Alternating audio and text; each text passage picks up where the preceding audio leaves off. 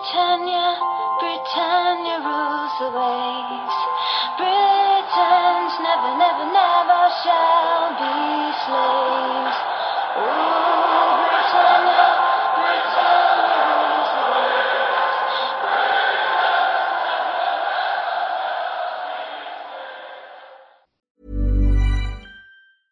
Hey, I'm Ryan Reynolds. Recently, I asked Mint Mobile's legal team if big wireless companies are allowed to raise prices due to inflation. They said yes. And then when I asked if raising prices technically violates those onerous two year contracts, they said, What the f are you talking about, you insane Hollywood ass?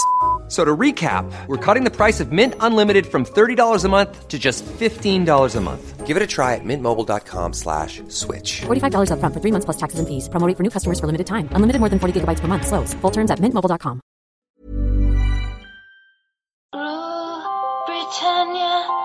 Britannia rules the waves. Britons never, never, never shall be slaves. Ooh, Britannia, Britannia rules the waves.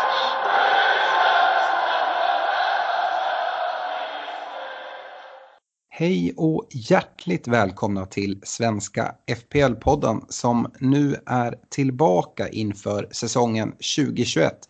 Vi har haft en eh, märklig tid bakom oss och eh, kommer att ha en märklig tid den här säsongen. Det är sammantryckt eh, säsong och mycket som har hänt. Men vi hoppar rätt in i dagens agenda. Vi kommer börja med det här första avsnittet att köra en liten kort intro för eventuella nya lyssnare, presentera oss lite kort och, och sådär. Vi kommer Eh, dela lite information om eh, våra poddligor och ja, ni uppfattade rätt, det är plural. I år kör vi två ligor för våra lyssnare. Vi eh, ska även kolla in på spelschemat och vilka som har bra spelschema till en start och något sämre enligt oss. Vi eh, kommer då även såklart gå igenom de lag som har eh, blanks i Game Week 1 och lite strategier kring det. Det har även eh, som sagt kommer vara en väldigt speciell säsong. Det är vissa regeländringar i fantasy som vi går igenom och andra speciella saker som är värda att tänka på just den här säsongen. Det har skett en del positionsskiften som vi går igenom och analyserar. Vi pratar lite formationstänk och eh, avslutningsvis så pratar vi lite transferfönster och nyförvärv. Men eh, Stefan, vi konstaterar att vi är tillbaka och eh, mycket har hänt. Du är nygift och allting.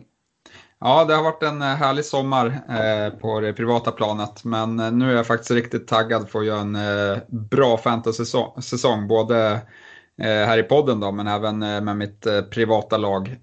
Hoppas jag på att förbättra mig. Jag är sjukt taggad faktiskt. Det ska bli kul med en säsong som börjar från början och förhoppningsvis håller på utan några coronaavbrott.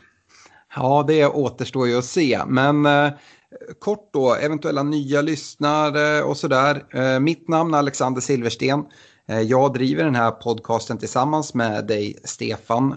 Och vi har gjort det i två säsonger. Vi går in i vår tredje säsong nu. Och eh, det här är lite inför avsnitt innan ligan drar igång. Vi kommer komma med med några fler där vi analyserar spelare, lag. Vi kommer ha ett gemensamt poddlag precis som vi haft tidigare där vi fattar beslut tillsammans som, som ni kommer få följa. Under säsong kommer det komma avsnitt eh, veckovis där vi kommer med rekommendationer, tar upp lyssnarfrågor, eh, gör eh, analyser på statistik och allt, allt som kommer. Lägger upp taktik för, för chips och kommer med, med olika förslag på, på strategier helt enkelt. Men eh, här inför så försöker vi eh, ge alla så mycket information eh, som det bara går. Och, eh, ja, Stefan, eh, har, du- har du någon räkning på hur många säsonger du har spelat fantasy? Nej, ja, det har jag glömt bort att kolla här, men det, det börjar väl eh, bli 15 säsonger eller något sånt, eh, tror jag. Eh, så att eh, formen var som bäst där i början, men eh, det har blivit svårare att vara med i toppen på slutet också. Men eh, som sagt så hoppas jag studsa upp rejält mot föregående års placering här i år. Ja, och ligger du på 15 säsonger, om det nu stämmer, så ligger jag i så fall på 14. Och för mig har det varit lite tvärtom, där jag inledningsvis inte riktigt la så mycket tid på det, men numera nördar ner mig ordentligt och har gjort några riktigt bra placeringar här på senare år.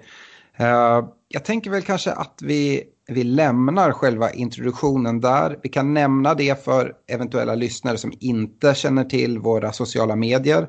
Vi har en Facebook-sida som heter Svenska FBL-podden. Se till att gå in och gilla den där. Det är där vi ofta tar in eh, lyssnarfrågor. Vi eh, skriver när det kommer ut nya avsnitt. Eh, de här avsnitten hittar du där där, där man lyssnar på poddar. Spotify, eh, iTunes, eh, Podcaster, Acast, eh, Eh, Soundcloud, eh, vart det nu är du eh, gillar att, att lyssna på poddar. Men eh, vi har även ett eh, Twitterkonto där man också kan skicka in lyssnarfrågor. Eh, så se till att följa oss på, på Twitter och på Facebook så hänger ni med hela tiden. Går vi vidare då kring ligorna och vi har sedan tidigare alltid haft en poddliga som det är helt kostnadsfritt att vara med i och det har vi även i år. Eh, gå in på Facebook-sidan för att få eh, ligakoden till, till poddligan. Men jag kan kort nämna den här också. Den är ju lite krånglig. Men det är 24P61X. Så uh, går ni med där så har ni chans att vinna jättefina priser. Vi kan i samband med det även passa på och presentera våra sponsorer. Eh, första priset är från en ny samarbetspartner för oss i år. Det är 5 000 kronor i presentkort hos Olka Sportresor som man kan komma iväg till, till England när publiken släpps på och eh, kika, kika på sitt favoritlag helt enkelt. Det, ja, det är riktigt härligt uh, med fotbollsresor. Så eh, den som vinner ligan helt enkelt. 5 000 kronor till dig och eh, stick iväg och ha riktigt kul. Uh, välkommen till Olka ska vi också säga. Uh, på plats två så hittar vi en uh, nygammal uh, samarbetspartner i Glenn Sportsbar. Uh, där får man ett presentkort på ett värde runt 700 kronor på just Glenn Sports Bar där det är, ja, men det är två hamburgertallrikar, det är fyra bärs, det är lite fri shuffleboard och, och sådär. Riktigt trevligt hos Glenn. Och sen så eh, har Glenn även en, eller ägarna till Glenn driver även en riktigt schysst restaurang i, i Göteborg som heter Puta Madre. Där man även får 1000 kronor i presentkort om man kommer tvåa i poddligan. Det här prisbordet ligger ute på Facebook-sidan om man vill läsa mer om det. Eh, de som kvalar in och kommer trea till sjua i poddligan vinner ett presentkort hos vår eh, ja, men gamla partner Unisport Store som eh, säljer fotbollsgrejer, fotbollströjor, eh, supporterprylar men även eh, fotbollsskor, benskydd, vad du än eh, kan tänka dig. Så eh, ja, det är topp sju men eh, vi, vi stannar inte där utan Glenn har även priser till eh, Eh, placering 8, 9, 10 och 11 i poddligan och det är eh, det här priset som var på andra plats. Alltså ett eh, presentkort värde runt 700 kronor med, med burgare och bärs och, och shuffleboard. Man får dock inte det här presentkortet på restaurangen Puta Madre om man hamnar där. det är poddligan, se till att gå med. Spelar man fantasy, ja, men det känns korkat att inte vara med i den här ligan. Skulle du göra en succésäsong så går du bara miste om ett presentkort på 5 000 kronor för att åka och se lite härlig fotboll. Så det är bara att gå med. Eh, men vi vet även att det finns eh, flera lyssnare som eh, går in med lite insatser och sånt. Så i år har vi en gemensam betalliga med vår samarbetspartner Glenn Sportsbar. Och för de lyssnare som känner att man vill vara med här och har möjlighet att vinna ännu fler superfina priser så eh, då pröjsar man in 200 kronor via Swish för att vara med. Och eh, av dessa 200 kronor så skänks en fjärdedel till Barncancerfonden och eh, övriga pengar går till priser i ligan. Första priset, lyssna noga nu, det är en resa eh, till ditt fotbollslag någonstans i Europa för två personer. Så ta med dig en polare. Eh, flyg, hotell, matchbiljett ingår såklart. Eh, det blir också rejält skönt häng för att Stefan, du och jag, vi, vi hänger med på resan. Ja, det, det är helt galet, men eh, det är någonting man ser fram emot och eh, förhoppningsvis så blir det några sköna lirare som, som tar hem det där. Ja, precis. Så, eh, det blir du och en kompis, jag och Stefan och sen så är det två sköna lirare från Glenn som också hakar på. Så jag tror att det kommer bli en legendarisk resa. Eh, I denna betalliga kommer det även finnas fina priser som delas ut eh, både varje Game Week och även varje månad utifrån vilket lag som har presterat bäst. Och detta gör ju att man har chans på pris hela säsongen även om man skulle få en lite taskig inledning. Och det kan vara skönt att ha för att eh, ja, men, hålla igång hela säsongen. Eh, ju fler som är med i ligan, desto finare månadspriser. Och eh, Glenn körde ju den här ligan eh, även förra året och året innan det. Men förra säsongen tävlades bland annat tre stycken fotbollsresor ut. Så att det kommer bli fina månadspriser, det kan vi lova. Vill man vara med, all information finns på vår Facebook-sida. Men man swishar 200 kronor till 123-3567. 138 och i meddelandet skriver man FPL samt sitt lagnamn som man har i fantasylaget. Och sen går man med i ligan med kod SPKYTL och den här ligakoden finns också på vår eh, Facebook-sida. Så eh, Ja, men se till att gå med där om ni känner det kan vara kul. De här 200 kronorna kan vara riktigt väl investerade. Så kanske vi syns på någon resa någonstans ute i Europa och kollar lite fotboll, tar någon bärs och snackar såklart en hel del. Både fotboll men även fantasy. Vi, vi kan väl dela med oss av lite tips som vi inte ger här i podden också va Stefan? Ja, det får vi se. Men... Uh, nej men uh, med det så nu är mycket information så här i, i början. Men uh, som sagt all information finns i våra sociala kanaler. vi hoppar in i spelschemat Stefan. Det släpptes här för ett tag sedan och jag vet inte om du, hur mycket du har hunnit analysera eller så. Men det finns ju några lag som sticker ut både positivt och negativt. Var, vart vill du börja? Eh, nej, men framförallt så kollar jag ganska kortsiktigt den här säsongen för att eh, dels, eh, vi kommer komma in på det, men eh, liksom transferfönstret stänger eh, efter säsongen har startat och vi har ju blank game week här i början där Manchester-lagen inte spelar. Så att eh, det är mycket som talar för att man kommer vilja göra lite snabba förändringar i laget. Och då har jag Eh, Eh, mest valt att fokusera på de eh, fyra första omgångarna. Eh, även kikat kanske lite längre också mot de sex första. Men de fyra första är absolut mest intressant för mig här i början. Och då, då sticker ut, om man ska nämna topplagen så är det väl Tottenham och Chelsea framförallt som, som jag tycker sticker ut och, och ser, ser bra ut framåt. Mm. Ja, jag håller med. Eh, Tottenham och Chelsea ser bra ut. Chelsea har ju fyllt på en hel del i, i det här transferfönstret och ser ut att inte sluta heller. Eh, det svåra där kan ju vara att hitta eh, ja, men, vilka som kommer starta vecka efter vecka. Det är ett tajt spelschema. Vi kommer ha Europaspel för både Tottenham och Chelsea. Så ehm, ja, det, det kan ställa till det lite grann. Ja, jag ska väl, Leicester tycker jag också har helt okej spelschema här. Eh, se, de glömde jag nämna. Eh, men där kan det bli lite att eh, de avslutade ju förra säsongen bedrövligt dåligt. Eh, men får de tillbaka till exempel Madison eh, så, så kan det lösa mycket av deras offensiva eh, problem, kan jag, kan jag tro i alla fall. Och eh, Vardy kan nog starta starkt eh, i år också. Mm. Ja, vi, vi har ett lag som jag gillar mycket också och kanske på lite längre sikt än om man bara kollar första fyra. Men det är Wolverhampton. De har ju dessutom inget Europa League-spel i år och eh, med deras eh, lite tunnare trupp än eh, de vanliga topp 6-lagen så tror jag att det kan vara ett lag att kolla, kolla mot också där man kanske kan hitta en hel del värde. Absolut, absolut. Eh, där kan vi redan nämna att eh, liksom, Jiménez är en spelare som inte har prisats upp speciellt mycket och eh, vi har även en, en Vinagre på vänsterbacken som ser ut just nu att vara startman för 4,5 i, i Wolves. Så eh, där, dit bör man absolut kika spelschemat ser ju också väldigt fint ut för, för Wolves. De har City tror jag i Game Week 2. Men eh, annars så är det ett ganska fint spelschema för Wolves och jag tycker att de, de sticker ut en del.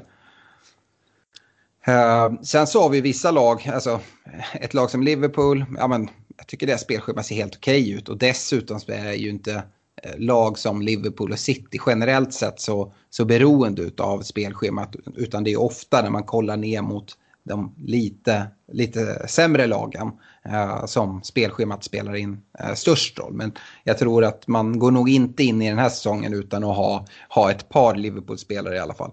Nej, och det jag gillar eh, med Liverpool det är att eh, de är redan tillbaka med liksom fullt A-lag i försäsong. Eh, jag har sett dem eh, lite grann på deras två försäsongsmatcher de har spelat eh, Eh, här i, i, veckan som har varit, eh, eller förra helgen och nu i mitten av den här veckan. Och eh, det har ju varit riktigt starka startelvor i båda de matcherna.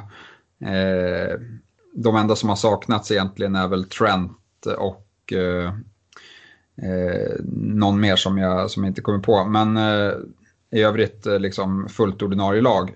Och det tror jag kommer eh, stå Liverpool till gagn här när säsongen drar igång. Att eh, de har faktiskt kunnat relaxat, vann Premier League-titeln tidigt, eh, fick den här lilla ja, svackan som man kan få när, när motivationen går ner. Men jag tror att de kommer vara redo från Game Week 1 och försvara sin ligatitel. Ja, vi kan väl redan nu säga det att vi kommer ju nämna en del spelare, det är ganska svårt att, att komma ifrån, men eh, det kommer komma mer djuplodande analyser innan säsongen drar igång just för vilka spelare vi tror på, vilka spelare vi kanske tycker man ska passa sig lite för och sådär. Vi kommer gå igenom det här, det kommer komma fler avsnitt, men eh, jag tänkte också säga det, jag har sett, det är vissa som kollar med, med lag som roterar bra med varandra. så här. Jag såg till exempel att Crystal Palace, deras spelschema är lite kom si kom sa, men deras hemmamatcher ser faktiskt riktigt, riktigt fina ut här till, till starten. Är det något du, du har kikat något på? Jag har väl, om man har följt communityn här på, på Fantasy Football Scout framförallt så har man ju pratat upp eh, han Nathan Ferguson Eh, Eh, i backlinjen för att han kostar 4,0 och eventuellt eh, startspelare. Men nu eh, verkar han vara borta med en skada eh, i inledningen och det gör ju honom såklart mindre intressant. Eh, men eh, absolut, eh, hitta någon billig försvarare eh, från, från Palace är väl det mest det som jag söker efter mest. För helt ärligt, framåt så var de riktigt bedrövliga i förra säsongen och skulle de dessutom tappa Zaha så, så blir det inte bättre. Nej, verkligen. Uh, nu har vi inte avslöjat för, för nya lyssnare våra lagtillhörigheter, men jag tycker det är ett bra läge att gå in på det nu. Uh, Stefan, du supportar ju Arsenal och uh, det är ett lag som man lätt kan luras över. Man ser de, de börjar borta mot Fulham och sen möter de West Ham hemma och det ser jättebra ut, men därefter svänger spelschemat ganska ordentligt. Ja, nej, jag tycker som sagt när spelschemat eh, offentliggjordes så gillade jag inte alls det. Eh, för att eh, som du säger, från omgång tre till, till omgång sju så är det riktigt eh, tuffa matcher för, för Arsenals del. Så det finns en risk att det blir en svag säsongsinledning. Men däremot i fantasy så startar de ju med eh, Fulham och West Ham de två första omgångarna. Eh, och eh, eh, på det så har vi Aubameyang som har blivit omklassificerad till mittfältare. så att han kommer jag nog förmodligen ha i laget och det är även en väldigt fin väg till en av City-mittfältarna sen i, i omgång tre, ett rakt byte från Aubameyang till någon av Sterling eller eh, De Bruyne och då får man eh, riktigt fina matcher eh, hela vägen där. Ja, eh, helt rätt. Jag kollar på exakt samma sak eh, själv. Eh, I Game Week 3 sen väntar Liverpool borta för Arsenal. Eh, sen så kommer Sheffield United hemma fullt av City borta i Game Week 5. Så att eh, man kan verkligen säga att Arsenals schema vänder. Om vi går till mina lagtillhörigheter så är jag ett Manchester United-fan. Och Eh, där kommer vi till de här lagen som vi var inne på. Eh, varken United eller City har ju någon match i Game Week 1 på grund av sitt sena Europaspel. Och eh, ja, det, det ställer till det för många. Det är ju även, vi ska nämna det, både Burnley och Aston Villa drabbas ju också av det här men kanske inte ställer till riktigt lika stora problem. Men annars är Burnley ett lag som har ganska, ganska fina matcher här i början. Eh, ja, absolut. Och Burnley har ju, det finns ju mycket värde där. I, eh, jag vet att det finns några billiga backar. Eh, 4,5 i Burnley. Eh, vi har även Pope som tog hem eh, hela målvaktsligan i fjol. Finns ett case för honom. Och sen gillar jag Chris Wood på topp som har stadigt levererat här och gjorde väl 15 kassa förra säsongen. Kostar 6,5 så att det finns mycket värdespelare i Burnley. Men som sagt då får man eh, sätta ihop ett lag där, där man har råd att ha eh, den man äger från Burnley på bänken i, i omgång ett sånt fall. Ja, vi hörde ju dig resonera lite där med att eh, inleda med exempelvis Aubameyang som är den dyraste mittfältaren i spelet tillsammans med, med Salah och Mané. För att ha en enkel väg att få in City-spelare eller en United-spelare eller hur man nu, nu planerar att göra. Och är det så du tänker eller kan man ändå låta en eh, spelare från City, United eller Burnley eller Villa sitta i bygget om man bygger en bred trupp så man har råd att ha dem på bänken? Hur, hur tänker du? Ja, då, jag, som jag tänker så får de inte vara allt för dyra i alla fall i första omgången för att eh, det kan bli riktigt eh, tråkig start på säsongen om du kastar upp en, eh, en De Bruyne eller en Sterling på bänken i, i omgång ett. Eh, så, eller en Fernandes, eh, vem det nu må vara. Men däremot om man har en stark åsikt om att till exempel en spelare som Greenwood kommer fortsätta vara ordinarie United, då kan man ju säkert lyckas få upp ett lag där han sitter på bänken i omgång ett och sen att man har honom redo för omgång två redan utan att behöva slösa ett byte i, i onödan. Mm, nej, bytena är ju värdefulla och man vill inte ta allt för mycket minus. Det som kommer också ske eh, är ju att många kommer sitta utan City, United och sådär men många kommer vilja ha in dem. Så att förmodligen kommer vi få se ganska snabba värdeökningar. Hur, hur resonerar du kring det eh, för att ha råd att få in de här spelarna som, som du vill få in? Eh, planerar du ett tidigt wildcard eller finns det för och nackdelar med det? Eh, nej men som jag nämnde så kikar jag absolut på tidigt eh, wildcard. Eh, jag skulle helst vilja dra det som tidigast i omgång 5, Eh, för där stängs, stängs både transferfönstret samt att det är ett landslagsuppehåll mellan omgång 4 och 5. Så den veckan har jag kikat in lite som att det vore optimalt att ha, eh, ha ett wildcard kvar där. Eh, men sen vet jag inte liksom hur, eh, hur mycket eller hur snabbt man kommer få panik. Det, det kommer nog avgöras lite över hur liksom Spurs presterar som jag så här, hade de inte haft ett bra spelschema så hade jag absolut inte kikat lika mycket mot dem. Eh, men nu kanske jag kommer ha en eller två spelare därifrån. Om de levererar bra, ja, men då kommer det inte vara någon eh, panik och liksom dra någon wildcard. Men däremot om de, eh, som jag kanske har en känsla av att de Eh, inte kommer leverera superbra framåt i alla fall så, så eh, blir det ju lite snabbare beslut som ska göras. Och det, det samma gäller väl egentligen med, med Chelsea också som har, ser på pappret väldigt eh, spännande ut här med, med mycket värvningar och så. Men det ska även eh, få ihop ett eh, lag utav det. Så det finns ju såklart risker med, med att göra så många värvningar som Chelsea nu har gjort också. Ja, och jag har sett en del personer resonera som så att de tar ut ett uh, riktigt bra lag för Game Week 1 och sen planerar de nästan att dra ett, uh, ett wildcard i, i, redan i Game Week 2 för att uh, fylla på med City, United, kanske de här Burnley-spelarna man vill ha och så. Jag tycker det känns, det är inte den vägen jag tänker gå. jag tror inte riktigt på den. jag vill bygga ett lag som jag vill ha på en längre sikt. Sen kan det ske att jag behöver dra ett tidigt wildcard men jag vill inte planera för det. Eh, värt att säga kan vara att i år så kommer man behöva spela sitt första wildcard eh, redan innan Game Week 16. Men det gör ju att du blir tvungen att ditt andra wildcard ska du ha under en väldigt lång period.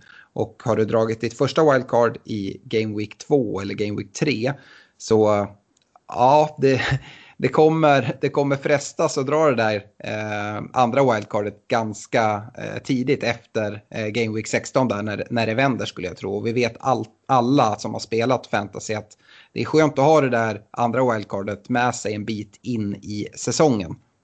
Ja, men framförallt de som kikar på att dra i omgång två, det kommer vara extremt svårt. För, för det första så har du ingen försäsong att, att bedöma någon någon typ av form på spelarna på. Eh, och sen så, har, så ska du ha en vecka eh, där egentligen liksom på en veckas sikt då är det mesta lotteri vem som tar poäng eh, liksom hit eller dit. Det säger ingenting om långsiktig form så att eh, jag hade också undvikit att dra det i omgång två för man behöver kanske en ja, men tre, fyra, eh, fem omgångar innan man ser några tendenser i, i eh, vad som liksom säsongen har att erbjuda skulle jag, skulle jag vilja påstå i alla fall.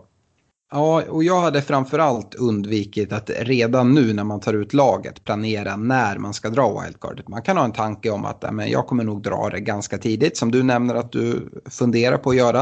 Eh, samtidigt så flyter allting på och du kanske eh, de, det lag du tar ut då kommer du inte hålla fast vid, vid den strategin antar jag. Men eh, jag tycker det är dumt att säga ja men Game Week 4 eller Game Week 5 eller Game Week 2 eller när det nu är att då ska jag dra mitt wildcard.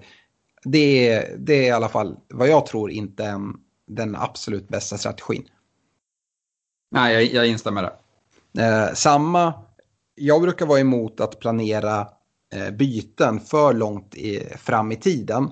Eh, nu tvingas man lite att göra det så som du planerar med att man har Aubameyang där för att kunna downgrada honom och få in någon, någon city-mittfältare eller Bruno Fernandes eller vem det nu är man, man vill få in. Eh, men om man väljer att planera sådana byten så skulle jag säga gör det inte för långt fram. Jag har planerat så det här ska jag efter första Game Week, det här ska jag efter andra, tredje, fjärde. Det kommer hända massa saker. Det kommer vara skador, avstängningar. Vi kommer se form på vissa spelare som ser jättebra ut. Vi kommer se form på vissa lag som antingen är eh, ganska svag eller riktigt bra. Eh, det kommer ändras och eh, se till att inte lockas och bara göra massa byten och ta massa tidiga minuspoäng. Det, det ser vi varje, varje säsong att det är folk som gör. Men då har vi pratat ganska mycket om spelschema. Däremot har vi inte pratat så mycket om eh, de som har absolut sämst spelschema. Ett, en spelare som jag kollade mot direkt det var ju Antonio i West Ham. Men eh, West Hams spelschema, nu möter de Newcastle hemma i Game Week 1. Men därefter Stefan, det ser ganska mörkt ut. Ja, absolut. Det ser, det ser inte speciellt kul ut. Eh, jag skulle väl inte helt skriva av Antonio som, som case. Eh, liksom, för om man kollar på de, de statsen som han hade efter coronauppehållet så var det helt galet. Jag tror han gjorde åtta mål och två ass på, på nio omgångar och det var inte bara den här matchen mot Norwich som han gjorde fyra baljor i som han hotade utan det var, han hade riktigt fina stats. Typ bäst av alla mittfältare som, i, i spelet. Eh, som han var han stod ju som mittfältare i fjol men står som forward nu då. Men, men eh, av, det, av den liksom så här form kan ändå trumfa spelschema. Men sen tror jag ändå att du kommer inte sitta med honom hela den här tuffa eh, alla de här tuffa matcherna. Men, men liksom tre, fyra matcher kan man säkert absolut ha honom i början om man tror på, på att hans form eh, är bibehållen. Ja, det finns lite så här budgetspelare i form av Zuzek eh, på mitt Mitten, Mark Noble och sådär. Men man skulle vilja ha ett bättre spelschema. Och det jag vill säga med Antonio också. Eh, nu absolut, han har ju sett eh, riktigt, riktigt bra ut här i slutet av förra säsongen. Men jag tror inte man ska räkna bort eh, Sebastian Haller helt heller. Det är väl rekordförvärvet som West Ham har gjort. De har väl aldrig betalat så mycket för en spelare. Såg nu i försäsongsmatch gjorde han hattrick här och Ehm, anledningen till att Antonio fick börja spela på topp det var ju mycket för att Haller eh, drogs med en del skador och sådär. Så att ehm, visst, jag tror att Antonio kommer starta här i Game Week 1 men eh, eh, Haller kommer vara där och knacka på dörren. Jag vet inte om de ska spela båda två eller hur de, hur de planerar att göra. Nej, vi får väl se hur, hur det blir, men eh, eh man tycker att Haller kanske har gjort tillräckligt eh, för att eh, förtjäna att spela forward här. Eh, men, men som sagt, Haller i form är också en riktigt fin spelare, så att eh, han ska väl också ha en plats i laget. Mm. Uh, ja, ett lag som jag tycker är kul att de kommer upp till Premier League, det är Leeds, men eh, de har inte heller så kul spelschema här i början. Nej, och där kan man nog behöva analysera lite hur, deras, eh, liksom, hur de kommer spela här i, i Premier League. Eh, vad jag har läst så eh, är ju Bielsa en väldig liksom, taktiker och anpassar sig väldigt mycket efter olika motstånd. Så att jag tror att det kan bli svårt att liksom hitta någon spelare som sticker ut i fantasy utan det kommer nog vara så mycket att det roteras runt och vissa spelare spelar för att de har eh, vissa spetsegenskaper som, eh, som Bielsa tror passar mot eh, vissa motstånd. Eh, det är i alla fall så jag tänker kring, kring Leeds idag. Ja, är det något annat lag du vill nämna med dåligt eh, spelschema här i början? Vi har nämnt ganska många lag, kanske framförallt på, på relativt bra spelschema. Men jag tycker inte det är så många som sticker ut med dåliga, förutom egentligen West Ham, Leeds och sen då Arsenal som är en liten speciell situation där med sina två fina första matcher. Nej, men generellt så kan jag väl tycka att de har gjort det mycket bättre. Eh, eller så här, det, är, det är en mer intressant start än, än vad vi kanske haft de tidigare säsongerna när jag tror att det var i fjol att det var liksom City och Liverpool hade superfina spelscheman direkt från starten. Nu är det väldigt så här blandat, så två bra matcher, någon dålig, två bra matcher. Eh, så att det kommer finnas väldigt mycket val och liksom, jag tror inte att det kommer bli någon riktigt template team från början här utan eh, eh det tycker jag är kul. Sen, sen, tycker jag att vi nämnde kanske lite, lite om Chelsea eh, som, som bra spelschema, men de, de har ju värvat en hel del. Där tycker jag framförallt att man ska hålla koll på om Werner blir deras tilltänkta straffskytt här. Eh, vi har ju sett att eh, William och, eh, och Jorginho har tagit straffarna i, i fjol. Eh, Jorginho tappar ju lite sin plats ett tag. Eh, vet inte om han tar tillbaka den, eh, men Kovacic eh, var ju riktigt bra i fjol. Eh, och William har ju som sagt eh, skrivit på för Arsenal så att eh, båda deras straffskyttar från i fjol har ju lämnat. Så då blir det intressant att se vad, vad Chelsea kan, kan göra här. Vi ska väl inte gå händelserna helt i förväg men även Kai Havertz ryktas ju ganska intensivt i Chelsea och verkar vara ganska nära just nu. Och även han är väl straffskytt för, för sitt Bayer Leverkusen om jag inte har helt fel för mig. Så att det återstår att se vem det är som kommer få det ansvaret eller om det kommer vara något delat ansvar eh, inom, inom Chelsea. Ja, nej, eh, jag har också läst att han har tagit straffarna i Leverkusen och Werner har tagit dem i, i Leipzig. Då. Eh, så, nej, men Chelsea gör ju en jättesatsning här. De har ju även gjort klart med Ben Chilwell från Leicester och Thiago Silva ryktas ju intensivt till, till dem också. Ja, Siers äh, ska vi också nämna. Ja, just det, det är ju klart också. väldigt tidigt, men äh, det är också en spelare som ansluter. Ja. Yes, uh, vi lämnar spelschemat lite där och uh, går in på nästa avsnitt och jag tänkte prata om den här speciella säsongen vi har framför oss. Och Fantasy har gjort en, framförallt en lite större ändring. Det är att deadline för byten och kaptensval och allting sånt här det har skjutits på. Det har tidigare varit en timme eh, före avspark på, på första matchen.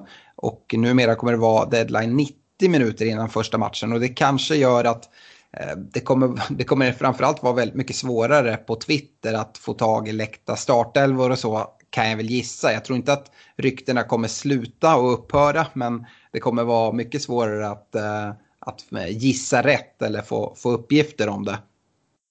Ja, nej, jag tycker det här är helt, ett steg i helt rätt eh, riktning. Eh, så man, när man sitter där och får reda på någonting som till exempel eh, Game Week 38, eh, sista Game Weeken förra säsongen när man eh, fick reda på att eh, Sala, Mané och Trent inte skulle starta. Så liksom, det är klart man måste utnyttja informationen för att man vet att det är jättemånga andra som gör det. Men det känns ju inget kul när man vet att det är massa folk som missar det också när det kommer liksom tio minuter innan deadline. Eh, så att eh, jag tycker det här är helt eh, rätt och ska man vara helt ärlig så brukar det inte komma speciellt mycket trovärdiga sådana här likt lineups förrän just kanske en kvart innan match när det är någon som är på plats som hinner lägga upp det på, på sociala medier. Ja, du, du menar en, en kvart innan Nej, en, kvart innan, ja, precis, en, ja. En, en timme och en kvart innan ja. match startar. Ja, precis. Uh, nej, och sen man, kan man väl säga det, vi har haft ganska bra i Sverige. Nu är det ett spel som spelas över hela världen. Vissa har ju tidszoner som när det liksom är mitt i natten. De har ju inte, ja, det är klart de har en möjlighet, men ska liksom sätta klockan mitt i natten för att gå upp och få få startelvor eh, som, som läx och, och sådär. Nej, jag, jag, eh, jag tar emot den här regeländringen eh, positivt. Och sen så som sagt, jag tror fortsatt att det kommer komma rykten. Men jag tror att man gör ganska klokt i att inte hålla på och eh, göra så mycket byten utefter eh, de rykten som kommer. För jag tror de kommer bli sämre än vad de har varit tidigare. Och de har heller inte varit helt klockrena innan heller. Nej, det, kommer, det kommer ju finnas tillfällen där till exempel någon journalist snappar upp att någon spelare inte har åkt med på någon bortamatch och, och sådana saker eh, som det kan skrivas om. Men, men eh, i övrigt så tror jag inte att det kommer komma mycket trovärdig sån här sista minuten-info i alla fall. Nej. Eh, andra saker som gör den här säsongen väldigt speciell det är ju eh, Eh, dels att vi har en väldigt begränsad försäsong att, att gå på inför. Vi brukar ha ganska, ganska mycket matcher och det är då man kan hitta de här eh, riktiga guldkornen som Lundstram Lundström förra året som stod som en 4,0 försvarare men spelar som en ganska offensiv, eller all, åtminstone box-till-box mittfältare. Eh, vi hittade van Bissaka eh, för två år sedan och eh, sådana saker. Det kommer att vara väldigt svårt nu. Eh, det finns lite försäsong för vissa lag, vissa finns i stort sett ingenting. Uh, hur gör du Stefan? Uh, hur mycket försäsong uh, försöker du lägga till grund och hur mycket går du på spelare som visade fin form i avslutningen av förra säsongen då det är lite tajtare mellan säsongerna i år? Ja, nej, men jag tror absolut, jag tror det Eh, man kan absolut eh, kika mot de spelarna som, som visade form i slutet av förra säsongen. För det tror jag ändå kan liksom, eh, i många fall hålla, hålla i sig. Men annars är det ju jättesvårt. Det är ju den här veckan som folk har på sig att spela eh, träningsmatcher eh, som, där man kan få någon indikation. Men sen är det ett landslagsuppehåll och sen kickar Premier League igång efter det. Så att, eh, nej, det kommer vara helt omöjligt att veta vad, vad lagen kommer formera för, för spelare. Och det, det som det gör för mig är väl att man går ännu mer eh, på beprövade eh, spelare till en inledning i alla fall. Mm. Eh, de här, eh, den här coronan kommer ju liksom hänga med och eh, Eh, vi fick eh, tidigare idag, vi spelar in eh, torsdag den 27 augusti idag. Vi fick idag bekräftat att Paul Pogba bekräftas och har testat positivt för, för covid och därför inte är med i, i Frankrikes Nation League-trupp. Det här kommer ju komma även under säsong. Det vi kan se med Pogba nu är ju att han inte kommer kunna träna med laget i, i den här korta försäsongen som är. Men under säsong kommer det ju också dyka upp sådana här fall. Och då de ska sitta i karantän i två veckor. Och eh, kommer det runt jultid så vet vi att då missar det ju, kan missa fyra, fem matcher på det. Ja, så, ja, det, kommer, det kommer ställa till det. Det gäller att ha en bänk före och ha, ha byten om man har möjlighet att spara upp och ha två fria byten exempelvis. Det, eh, Eh, vi ser nu inför säsongen här att ehm, ja, men dels eh, Harry Kane men även Wan Bissaka i United. De, de sitter i karantän nu för de har åkt iväg på resor till länder där man behöver sitta i karantän. Så de kommer inte riktigt ha försäsong. Ja, det, det, det är stökigt. Ja, det är riktigt stökigt och det, det som man gör bäst i tror jag som även Eh, är faktiskt en bevisat bästa strategin om man kollar på liksom framgångsrika managers i fantasy. Och något som jag är, är dålig på eh, är ju att man ska hålla sina byten till sent, sent eh, innan deadline och liksom suga in all information som kommer under veckan och skita i att man missar prisökningar på, på spelare. Det kan vara extra viktigt just ett, ett år som detta. Men det är som du säger, det är samtidigt det här som vi pratade om nu här i början kommer vara väldigt, väldigt mycket prisökningar förmodligen. Eller det det vi förväntar oss i alla fall när, när United och, och City exempelvis går in och har sin första Game Week i Game Week 2 exempelvis. Um, Framförallt United som jag tycker liksom, de har Crystal Palace och Brighton direkt efter blanken. Eh, och, och liksom, man vet även att United har väldigt mycket fans runt om i världen och att eh, deras spelare alltid är populära i, i fantasy. Eh, och nu visade de ju upp också en riktigt fin offensiv form Eh, mot slutet av förra säsongen. Eh, så att eh, där kommer det finnas skyhögt intresse för att få in deras spelare och eh, jag ser inget annat än att de sticker i värde. Eh, ja, de flesta liksom. Det finns ju fyra stycken offensiva spelare som jag tycker är intressanta i liksom de, de mest offensiva om vi kollar som det såg ut i förra säsongen.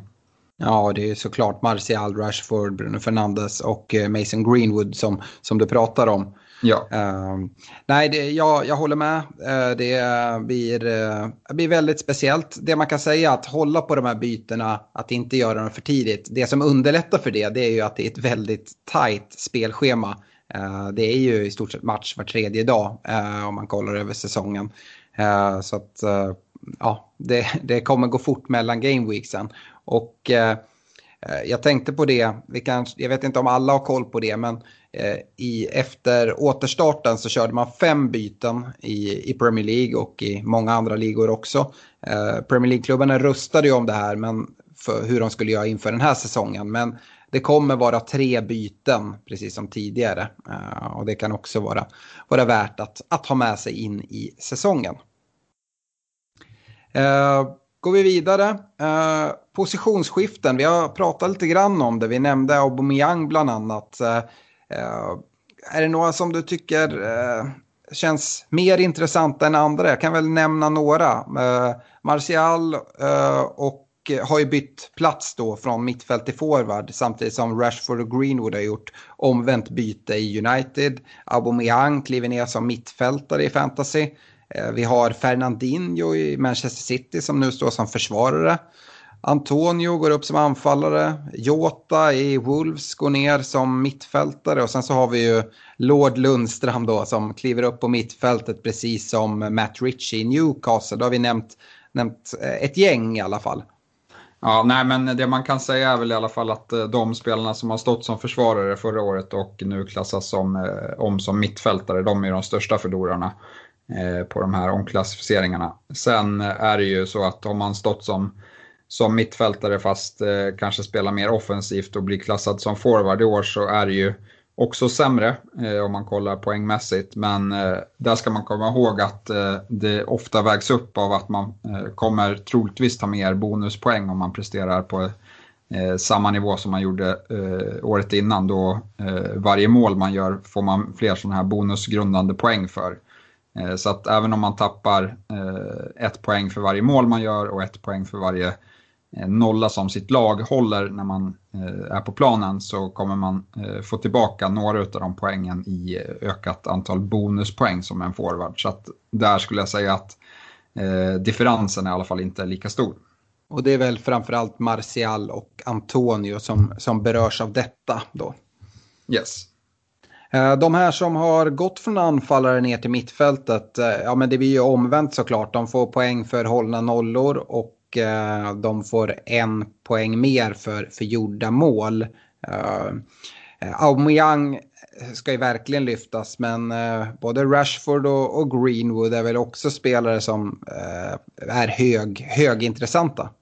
Ja absolut, jag tycker väl kollar man statistiskt sett i fjol så var ju United ett av de lagen, om inte det laget som hade liksom, det förväntat eh, lägsta antal insläppta mål. Eh, sen, sen, släppte de in fler mål än så, men de hade ett av de bättre försvaren i ligan. Fick inte riktigt betalt för det.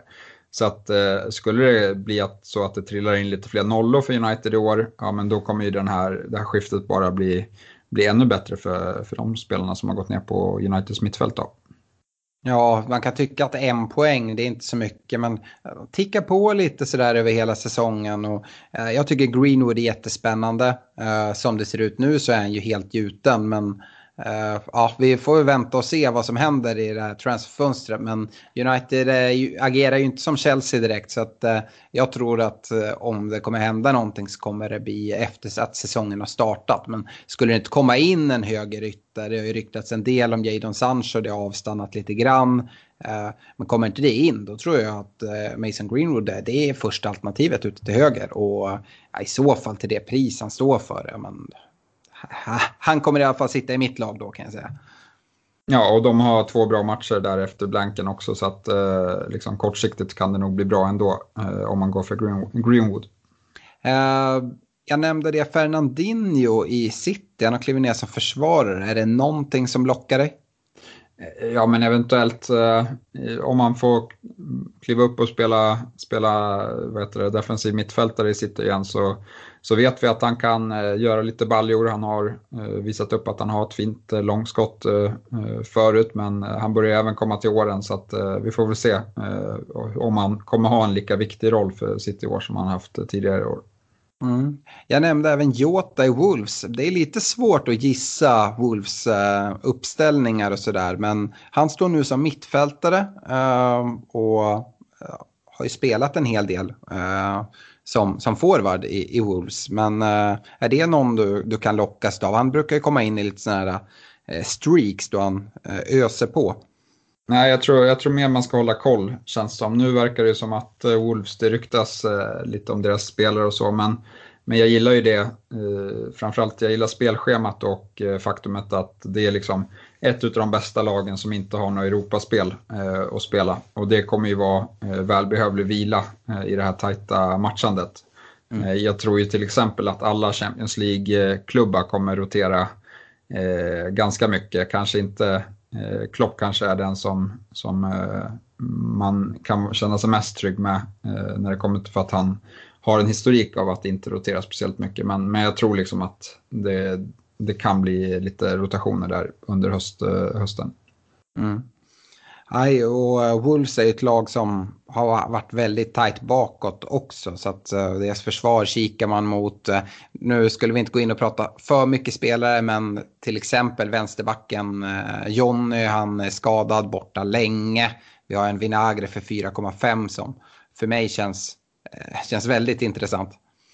Ja, och jag tycker liksom att visst, John är väl bättre överlag så, men jag tycker inte Vinagre har gjort bort sig de gångerna han har fått chansen och framförallt så är han ganska eh, frisk fläkt offensivt så att eh, eh, han, han eh, kikar jag mycket på också. Mm. Uh, Just gällande det då, man eh, tar ju ut fem stycken eh, försvarare, fem mittfältare, tre anfallare. Men ofta brukar man ha någon formation i bakhuvudet, eh, Stefan. Jag vet när allting släpptes och sådär, vi såg att det fanns väldigt mycket intressanta mittfältare. Man lutade åt, ja men det är självklart att gå med, med fem mittfältare, tre försvarare. Eh, sen kollar vi lite, ah, man kanske ska gå på fyra, fem, ett eftersom att det inte finns så många anfallare. Men både du och jag har svängt lite där. Hur går dina formationstankar? Nej, jag börjar kika allt mer och ha tre forwards faktiskt. För att eh, jag tycker de har ju prisat ner forwardsen i år eh, jämfört med föregående år. Och jag tycker det finns några riktigt fina eh, och liksom eh, som man vet också kommer vara viktiga för sina lag. Och då pratar jag om Jiménez, jag pratar om Ings. Eh, jag tror även på att Martial kommer eh, göra en till bra säsong. Jag menar, han är väl 24, 24 bast liksom och jag tycker att deras spel, eh, liksom, spelidé och spelsätt börjar sätta sig allt mer. Så att, eh, det finns mycket och, och sen har vi ju även liksom Werner kommer in och, och känns lovande i Chelsea. Eh, vi har eh, en Vardy med fint spelschema i början här. Kane eh, ska man inte glömma bort med, med Tottenhams eh, spelschema i början och hans eh, uppåtgående form här på slutet. Nu slipper ju Kane spela i augusti också, hans, hans jobbiga månad. Ja, precis. Då kan det bara bli mål. Nej, men eh, där ska man också ha med sig att eh, liksom, Mourinho, han har ju fått eh, mycket skit här genom åren, men, men de flesta klubbar han har varit i så har han faktiskt levererat ganska bra andra säsonger när han har liksom kommit in och fått sätta sina pusselbitar på plats och, och sen eh, det brukar mer vara att liksom tredje och, och fjärde säsongen att det har blivit eh, kaotiskt eh, de säsongerna. Men just andra säsongen så har han en tendens att, eh, att leverera väldigt bra. Du nämner massa premium forward där. Jag kan bara konstatera att vi har väl aldrig sett Kun Agüero prisad 10,5 någon gång i ett Manchester City. Nej, precis. Också där får man indikationer på att Jesus eh, spelar i, i eh, Champions League så, så känns, ju, känns ju Agüero som en spelare som kan straffa en ordentligt i Premier League-matcherna. Ja, sitter man inte med honom, vi, vi, vet alla vad han kan göra. Och eh, det är alltid jobbigt med, med City och Peps uttagningar, men eh, Nej, vi vet att de, det, det, finns poäng i dem när de, när de spelar. Oavsett om de spelar 90 eller 60 eller 30 på ett inhopp. Eh, och Agüero har hattricks i sig och det kommer sitta kaptensbindlar där. Absolut. Vad, vad landar vi i då? Jag tycker det är kul också på, eh, på försvarare. Eh, det finns ju faktiskt ganska många eh, billiga försvarare, typ 4,5 som ändå tycker jag finns mycket värde i. Samtidigt om man lägger på och tar premiumförsvarare för, för 6,0 och Liverpool-försvararna där så är det också jätteintressant. Och där sätter man ju lite hur man, hur man bygger sitt lag i övrigt också. Tar man in eh, mycket premiumförsvarare, men då måste man ju avkall någon annanstans. Vad, Eh, vad landar du just nu i formationstanken? Är, är det något som eh, är starkare än något annat? Jag förstår att det inte är helt spikat. Nej, det är inte helt spikat, men, men likt dig så liksom när man eh, försöker få in allt inom en budget på 100 miljoner också så, så har jag kikat allt mer mot att ha minst en fyrbackslinje i alla fall. Eh, så det, det kommer nog bli fyrbackslinje för mig eh, från början. Sen kommer jag nog ha liksom en till eh, back på, på bänken. Det kommer nog vara liksom bänkbacken som kommer vara, eh, han kommer också vara spelande troligtvis. Så att man har möjligheten att peta in honom också om man, om man eh, känner för det. Eh, eller att man måste göra det på grund av skada eller corona eller vad, vad det nu kan vara. Eh, så jag har kikat mest mot 4-3-3, eh, men, men liksom 4-4-2 är väl också ett alternativ. Mm. Ja, äh, vi ska prata med spelare i kommande avsnitt äh, och vi går här mot slutet av just det här avsnittet. Men innan vi lägger på locket, tackar för oss, så tänkte jag vi skulle prata lite transferfönster. Äh, du nämnde det, det är transfer deadline i början av oktober. Och ja, inför förra säsongen så hade vi ju det så skönt att transferfönstret stängde, stängde innan ligan drog igång. Eh, men eh, så har vi det inte nu. Eh, vi ska väl inte prata allt för mycket kring de nyförvärv som är gjorda och de rykten som, som går. Men jag tänker lite tankar kring det. Du var inne på det, Chelsea har värvat en hel del. Men man vet inte riktigt, kommer de få ihop det? Um, vi måste väl nämna det nu när vi spelar in. Det är ju jättemycket rykten kring Messi. Vill, vill, du, vill du kommentera det någonting? Jag tror att det händer. Uh, alltså, jag, jag ser han i city. Uh, sen, liksom, sen, sen hur utdraget det blir, det, det får vi se. Men, men jag tror absolut inte han blir kvar i Barcelona. Vad tror du då? Mittfältare? Forward? Alltså ska man vara konsekvent så ska han ju stå som mittfältare för han har ju spelat ytterforward, eh, likt Salah. Så att, eh, och de har ju varit konsekventa med, eh, med alla andra spelare, med liksom Aubameyang, Rashford, Salah. Så att eh, han borde komma in som mittfältare kan jag tycka. Ja, vi ska lämna det här eftersom det är mycket spekulationer. Men kan jag få en först en uppskattning? Om man står som mittfältare, vad tror du FPL kommer prissätta honom som? För lågt tror jag. Jag, skulle, jag är beredd att betala 15 millar, minst, eh, för honom. Och du tror att han kommer prisas? 14. Oh shit, ah, jag tror ändå han kommer till prisat 12,5 eller något sånt där. Eh, om man skulle klassa som forwards då, då, då kommer han prisas lägre antar jag. Eh, ja, men det borde han väl eh, göra med tanke på hur alla andra forwards eh, prisas också. Eh, så, men men eh, ja, han, han är ju mest intressant som mittfältare, helt klart. Ja, vi kan väl säga det att om Messi blir klar då kan vi nästan köra ett specialavsnitt bara om honom uh, här i, i podden. Så att vi lämnar den frågan uh, just nu. Uh, det jag tycker är intressant med de här transferryktena och de transfer som sker. Det är ju både när nyförvärv kommer in och att nyförvärvet är intressant. Men nyförvärvet tar ju oftast någon plats också. Så att det är någon spelare som förmodligen tappar sin plats om det spenderas mycket pengar. Men även när det lämnar spelare så öppnas det plats för, för fynden. Nu har det ryktats en hel del till exempel om att Matt Doherty eh, kanske ska lämna eh, lämna Wolves för att gå till Spurs och att eh, Aurier kanske ska lämna Spurs. Eh, I Wolves då, om det inte värvas in någon, då blir det väldigt intressant. Vem ska ta den platsen? Kan vi hitta en 4,0 försvarare där eller kommer det värvas någonting? Eh, sånt här tycker jag att man behöver hålla koll på. För det är här vi kan hitta de här riktiga, riktiga guldkornen. Uh, håller du med mig? Ja, absolut. Uh, det ska man liksom, det, det är ofta uh, det kan vara en sån spelare liksom att man får in någon billig som levererar över sitt värde tidigt som, som gör att man sticker ifrån för att man har råd att ta in andra spelare som, som folk inte har. Mm. Så att, det är viktigt att, att hitta fynden. Mm. Uh, ja, är det någonting mer du vill säga så här innan vi knyter ihop det första avsnittet för säsongen?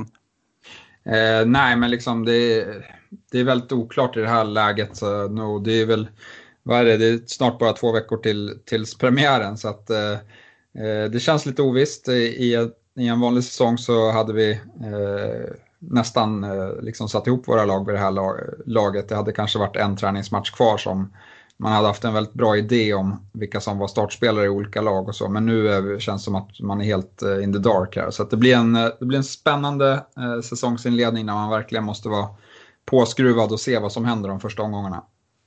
Ja, nej men det tror jag och jag tror att eh, ett bra sätt för att hålla sig uppdaterad det är just att, att följa vår Facebook-sida, följa podden. Eh, vi kommer komma med avsnitt nu ganska tätt här eh, fram till, till starten. Vi ska gå igenom eh, försvarare, vi ska gå igenom mittfältare, vi ska gå igenom anfallare, vi ska gå igenom målvakter, olika strategier. Eh, vi ska dessutom i ett avsnitt som kommer vara väldigt nära deadline eh, ta ut vårt poddlag där vi resonerar oss fram eh, kring vilka val vi har gjort, varför vi har valt vissa spelare, varför vi har valt bort andra. Eh, det kommer komma mycket matnyttigt så eh, se till att hänga med, följ oss gärna och eh, snälla sprid ordet till eh, alla era vänner som eh, ni vet spelar fantasy eller vänner som, som är intresserade av fotboll och som kanske borde börja spela fantasy. Uh, vi är jätteglada över att ni, ni hjälper oss att sprida ordet om, om podden. Och, uh, som sagt, gå med i vår, vår uh, poddliga. och för er som vill, kasta in 200 kronor, gör en god sak. 50 kronor går till Barncancerfonden. hur man går med och vilka koder det är hittar ni på vår Facebook-sida, Svenska FPL-podden. Och med det så tackar vi för oss den här gången och på återhörande. Absolut, ha det bra allihopa.